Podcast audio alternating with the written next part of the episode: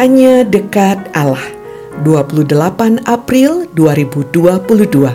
Salah siapakah? Lukas 13 ayat 1 sampai 5. Perumpamaan pohon ara yang tidak berbuah bermula dengan laporan beberapa orang mengenai orang Galilea yang dibunuh tentara Pilatus. Mereka dibunuh sewaktu mempersembahkan kurban di bait Allah. Tak hanya itu, para serdadu itu mencampurkan darah mereka dengan darah kurban yang hendak mereka persembahkan di bait Allah. Kita tidak tahu siapa orang-orang Galilea itu. Namun, kematian macam begini memang mengenaskan. Bayangkan ada orang yang darahnya dicampur dengan darah kurban. Dan peristiwa macam begini akan membuat orang bertanya, "Mengapa?" Pada masa itu, masyarakat Yahudi pada umumnya berkeyakinan bahwa malapetaka yang menimpa seseorang merupakan tanda dosa. Kematian yang tidak wajar membuat orang menduga bahwa orang tersebut pasti telah melakukan banyak dosa sepanjang hidupnya.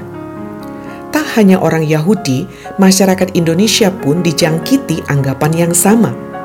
Ketika bencana menimpa, maka pertanyaan yang mengemuka dalam benak adalah, "Salah siapakah?"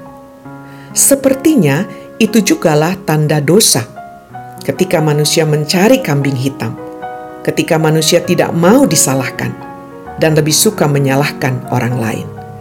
Dan berkenaan laporan itu dan anggapan orang berkait laporan itu, Yesus tegas berkata, "Tidak." Mari kita perhatikan jawaban sang guru. Sang kamu orang-orang Galilea ini lebih besar dosanya daripada dosa semua orang Galilea yang lain. Karena mereka mengalami nasib itu? Tidak, kataku kepadamu tetapi jikalau kamu tidak bertobat, kamu semua akan binasa dengan cara demikian. Yesus hendak mengatakan jangan sekali-kali menghubungkan kejadian mengerikan itu dengan dosa. Bagaimanapun, itu namanya penghakiman. Ini suatu ketidakadilan. Bayangkan, sudah jadi korban, kok masih dihakimi? Memang, ketika seseorang merasakan sengsara sedikit saja, biasanya dia bertanya, "Apakah dosa saya?"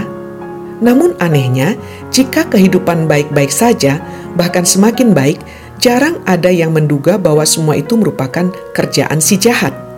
Sepertinya Yesus juga hendak mengatakan agar mereka tidak terlalu cepat menilai orang. Memang bisa jadi ada hubungannya.